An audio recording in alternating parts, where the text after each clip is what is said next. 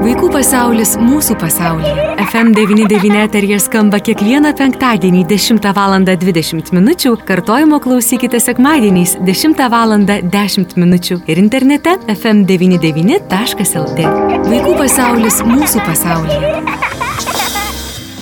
Sveiki, gyvi brangus FM99 klausytojai. Studijoje prie mikrofono Eglė Malinauskenė. Džiaugiuosi, kad ir vėl galiu su jumis pasisveikinti laidoje Vaikų pasaulis mūsų pasaulyje, kuriame dėje šiandieną kalbėsime apie ginklus.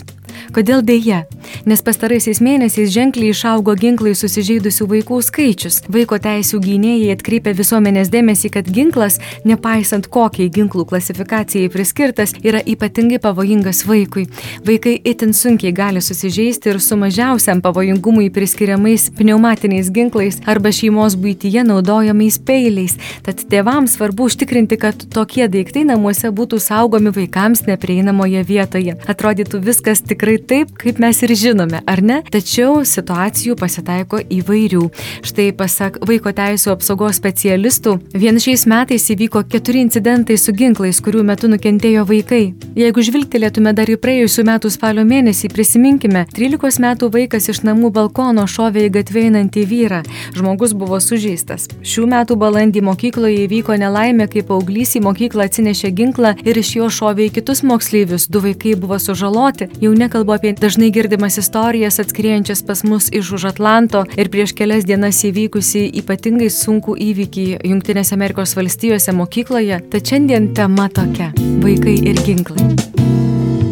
Atrodytų tokia tema nelabai tinkanti vaikų pasauliai, bet pastarojo meto įvykiai ypatingai atskleidė, kad, na, ginklai vaikų pasaulyje vis dėlto yra, vis dėlto atsiranda. Šiandien mes kalbėsime su Valstybės vaiko teisų apsaugos ir įvaikinimo tarnybos Kauno apskarties vaiko teisų apsaugos skyriaus vedėja Neringa Martišienė. Labadiena, gerbama Neringa. Sveiki, Eglė. Sakykite, kaip jūsų patirtis rodo, kaip statistika rodo, ar tie įvykiai, kaip kad, na, štai neseniai ypatingai pasaulį sukrėtė įvykiai Amerikoje, Junktinėse Amerikos valstijose, ar tą temą gvildenant Lietuvoje tai taip pat aktuali tema? Tai be abejo, mūsų Lietuvos vaikai taip pat nėra išimtis ir pastebėjom tokią tendenciją, pavojingą tendenciją, kad pastaraisiais 2022 metais dažniau ginklai patenka į vaikų rankas. Šiais metais jau turėjom keturis atvejus, kada buvo vaikų panaudoti ginklai.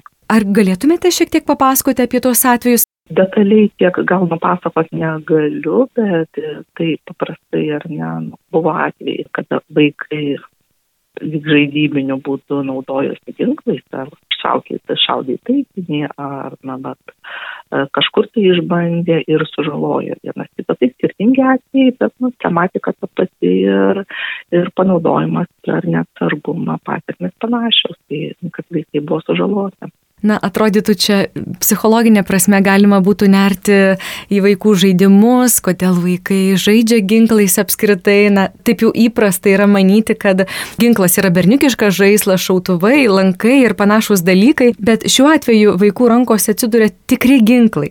Ar galėčiau jūsų klausti, prašyti tiesiog papasakoti štai, jeigu šeimoje yra planuojama įsigyti ginklą, ar namuose yra ginklas, ar vaikai turėtų tai žinoti, ar tai turėtų būti, sakykime, tėvų paslaptis. Kaip reikėtų paruošti vaikai na, sužinojimui, kad namuose bus ginklas, kokie tie svarbus žingsniai? Matot, vaikai iš prigimties yra labai žingeidus ir smalsus ir tai einamuose atsiras ginklas ir jis bus prieinamas, vaikas anksčiau ir vėliau juos susidomės, gal bandys apžiūrėti, gal bandys ir, ir, ir pasinaudoti, išbandyti, kaip tas ginklas veikia.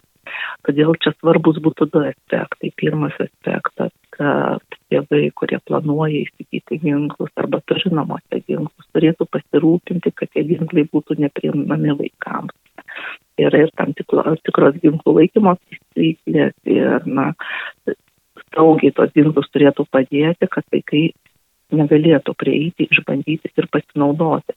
Be abejo, smalsumas bus ir apsimesti, kad, na, ypač jeigu vaikas jau žino, kad nekalbėti apie tai tikrai nebūtų geriausias variantas, vaikais reikia kalbėti, tiek, kiek vaikas domisi, atsakyti jam į klausimus, paaiškinti ir, na, kitą, kad negali prognozuoti, kokioje situacijoje gali vaikai patekti rankas ginklas, nebūtinai namuose. Todėl pokalbis su vaiku, jo paruošimas, žinoti, kokia tai yra atsakingumo na, instrumentas reikalaujantis. Tikrai su vaiku reikėtų kalbėti, aptarti tam tikras taisyklės. Ir neman, nemanyčiau, kad reikėtų nuo vaikų nuslėpti. Ne.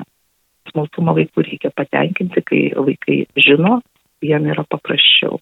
Ar tai priklauso, sakykime, pokalbis su vaiku apie ginklus, apie jų žalą, kodėl tas ginklas, sakykime, atsiranda namuose, yra namuose? Vis tiek, ko gero, tai priklauso nuo vaiko amžiaus, ar ne? Be abejo, be abejo, mažam vaikui reikia paaiškinti jam sakoma kalba, jam žinomai žodžiais paprasčiau, kad vaikas suvoktų, e, su didesniu paaugliu jau galima pasikalbėti ir daugiau, nes paauglys gali daugiau suprasti ir suvokti atsakomybę panaudojimo. Kaip manot, neringa, kodėl apskritai vaikui ar paaugliui kyla noras imti ginklą, žaisti su juo, ar kitu atveju galbūt jau ne tik ir žaisti su juo, toks uždraustas vaisius atrodytų ir, ir tikrai gali suvokti, kad pasiekmes gali būti liūdnos, bet vis tiek va, tiesiog norisi imti į rankas ir jį naudoti. Kaip jau sakiau, vaikai yra labai smalsus žingėjus ir tai juos skatina ar ne, bet kuo domėtis, vystyti ir aukti, tai yra normalus procesas ir ginklai yra neišimtis. Bet kitas dalykas, ką šiuo metu galima būtų sieti, kad vis tiek apie vykstantis karas ar nedaug informacijos žiniasklaidoje, televizijoje ir informacija irgi skatina vaiką domėtis, domėtis, išbandyti ir ne tik domėtis, vaikai taip pat linkia atkartoti suaugusių elgesį. Tai matydami daugiau tos informacijos, tų vaizdų natūraliai ginklai sulaukia daugiau smalsumo vaikų ir susidomėjimo. Taip tikrai teko pastebėti, kad vaikai net ir ne tik, kad žino apie ginklą ir, ir, ir, ir kaip jis veikia, bet net ir tam tikrus ir numerius, ir pavadinimus, ypatingai berniukai tarpusavyje, na tikrai tas, tos žinios stipriai išaugia vaikų būtent apie ginklus. Kaip jūs kaip specialistė matytumėte, kur yra čia didžiausi pavojai ir kaip mums galima būtų kaip tėvams ar kaip globėjams nuo tų pavojų apsaugoti savo vaikus ir, ir, ir nuo tų tokių na, tragiškų situacijų, kurių, kaip minėjote, jau tokių sudėtingų situacijų buvo net keturios šiais metais Lietuvoje. Matot, ginklas yra toks, tai kaip jūs ir minėjote, ypač berniukai domisi, žino numerius, markės, tai ginklas yra toks tai uh, galios įrankis. Ne, ir, ir, ir berniukams tai ypač turbūt svarbu pasijausti saugesniais, vyriškesniais, jie tikrai norės pabandyti, jeigu turės tokias galimybės, bent jau apžiūrėti ir susipažinti su tuo. Tai tą riziką suvokdami mes tikrai pirmiausiai, ką turėtume užtikrinti, tai užtikrinti ginklų neprieinamumą vaikams kad ginklai būtų nepasiekiamose vietose, seifuose ar kažkur saugiai padėti, kad vaikai negalėtų pasinaudoti. Jie ne tik pasinaudoti, galbūt norės ir apžiūrėti su draugais ir ypač jau keli yra vaikai, tai didesnis kyla pavojus išbandyti ir rizika sužeisti ne tik save, bet ir šalia esantį.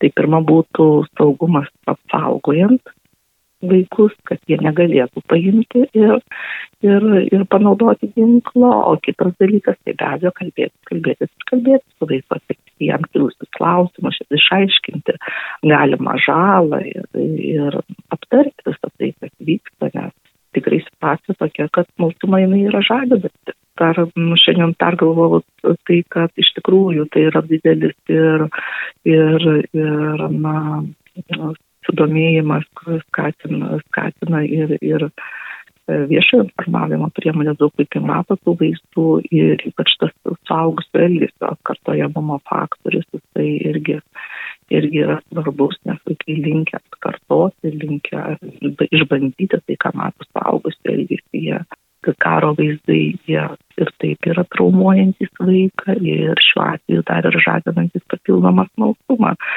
Tai tiesiog tokia psichohigiena tėvams, kiek kaip dozuoti tą informaciją ir ne tik save saugoti, galbūt nesipė, kad reikia iš save pasaugoti nuo per didelio krūvio, bet ypač saugoti ir vaikus vaikams. Tai nereikia tiek matyti, kiek, kiek numato tėvai, nes jų psichika yra labiau pažydžiama ir, ir ta informacija turi būti pateikiama vaizdais, bet tiek, kiek vaikas gali suprasti ir kiek vaikas pajėgus yra apdoroti tos informacijos, kad neperkrauti tą informaciją, kuri yra traumuojanti.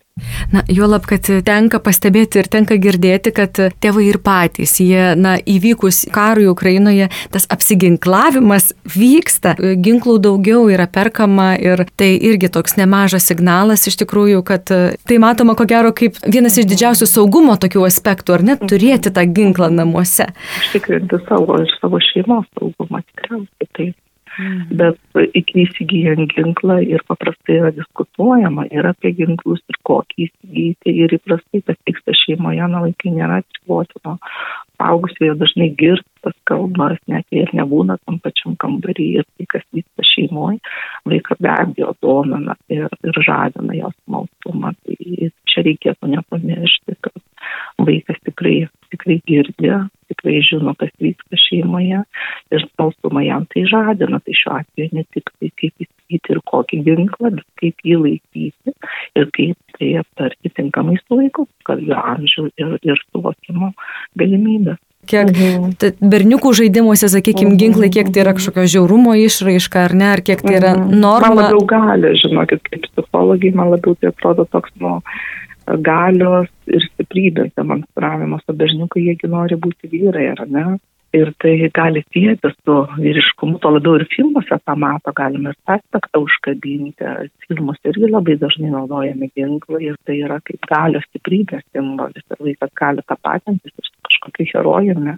Ir kai tokia galimybė atsiranda išbandyti ir pabūti to herojumi, vaikas tą ir gali padaryti. Iš tikrųjų, tiesiog žaidimo forma, net mhm. nesuprastamas, nežinodamas, kas tai, kaip tai ir kokios mhm. pasiekmes tai gali būti. Mhm. Ir turbūt kitą kartą net ir tik pokalbio gali neužtekti, nes jūs, kaip ir minėjote, vis tiek vaiko smalsumas yra didelis privalumas, šiuo atveju gali tapti dideliu trūkumu. Mhm.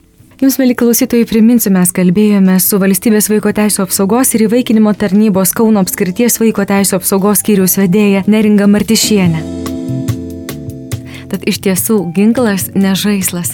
Kartais ir mes suaugusieji neapsvarstome žodžių, neapsvarstome temų, kurias aptarėme, kalbame, girdint mūsų vaikams. Kartais galbūt esame linkę ir pasididžiuoti, kad va, aš taip turiu, esu įsigijęs ginklą, o maža ką galbūt prireiks.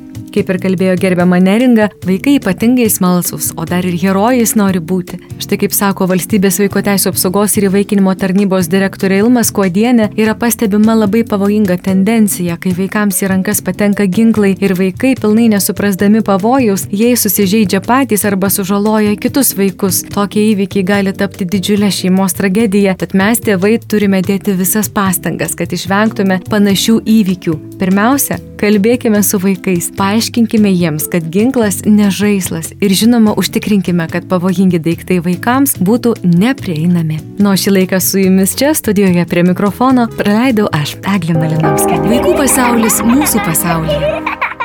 Prie laidos finansavimo prisideda spaudos, radio ir televizijos rėmimo fondas.